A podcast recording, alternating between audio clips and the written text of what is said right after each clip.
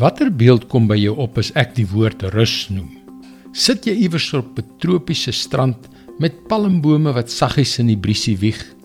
Miskien sien jy jouself knus in jou bed, gereed vir 'n goeie nagrus. Wat beteken daardie woord rus vir jou? Hallo, ek is Jockey Gouchee vir Bernie Diamond. En welkom weer by Vars. Natuurlik moet ons elkeen op 'n gereelde basis 'n breek van ons harde werk neem. En ja, 'n goeie nag se slaap is baie belangrik vir ons gesondheid en welstand. Maar jy kan nie jou hele lewe vakansie hou of in die bed deurbring nie. Die lewe is daar om geleef te word. Dit is juis wat Jesus vir ons wil leer wanneer hy met ons praat oor die rus, die diep blywende rus wat hy ons wil gee. Matteus 11 vers 28 tot 30 Kom na my toe, julle almal wat moeg is en swaar laste moet dra, en ek sal julle lewens verkwik. Neem my juk op julle skouers. Kom leer van my, want ek is sag en nederig van hart, en julle sal rus en nuwe moed vir julle lewe kry. Want my juk sal sag op julle skouers rus en my las is lig om te dra. Jesus praat van 'n juk.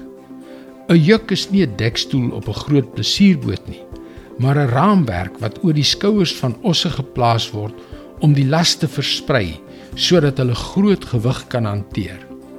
Met ander woorde, skouer aan skouer met Jesus se liefde, sy wysheid, sy wyse raad, saam met hom ingespan om die lewe te leef en om alles te doen waarvoor hy jou geroep het.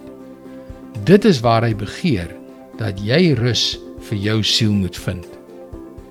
'n Ruskansie van die stres van die lewe is goed, maar dan moet ons aangaan met die lewe saam met Jesus. Neem my juk op julle skouers en julle sal rus en nuwe moed vir julle lewe kry. Dit is God se woord vars vir jou vandag.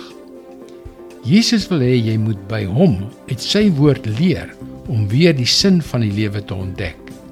Jy het waarskynlik opgemerk dat ons 'n wye verskeidenheid onderwerpe hierop vars bespreek. Jy kan gerus laat weet as daar enige onderwerpe is wat jy graag wil hê ek moet bespreek. Laat my asseblief weet by teachingtopics.org. Mooi loop. Tot môre.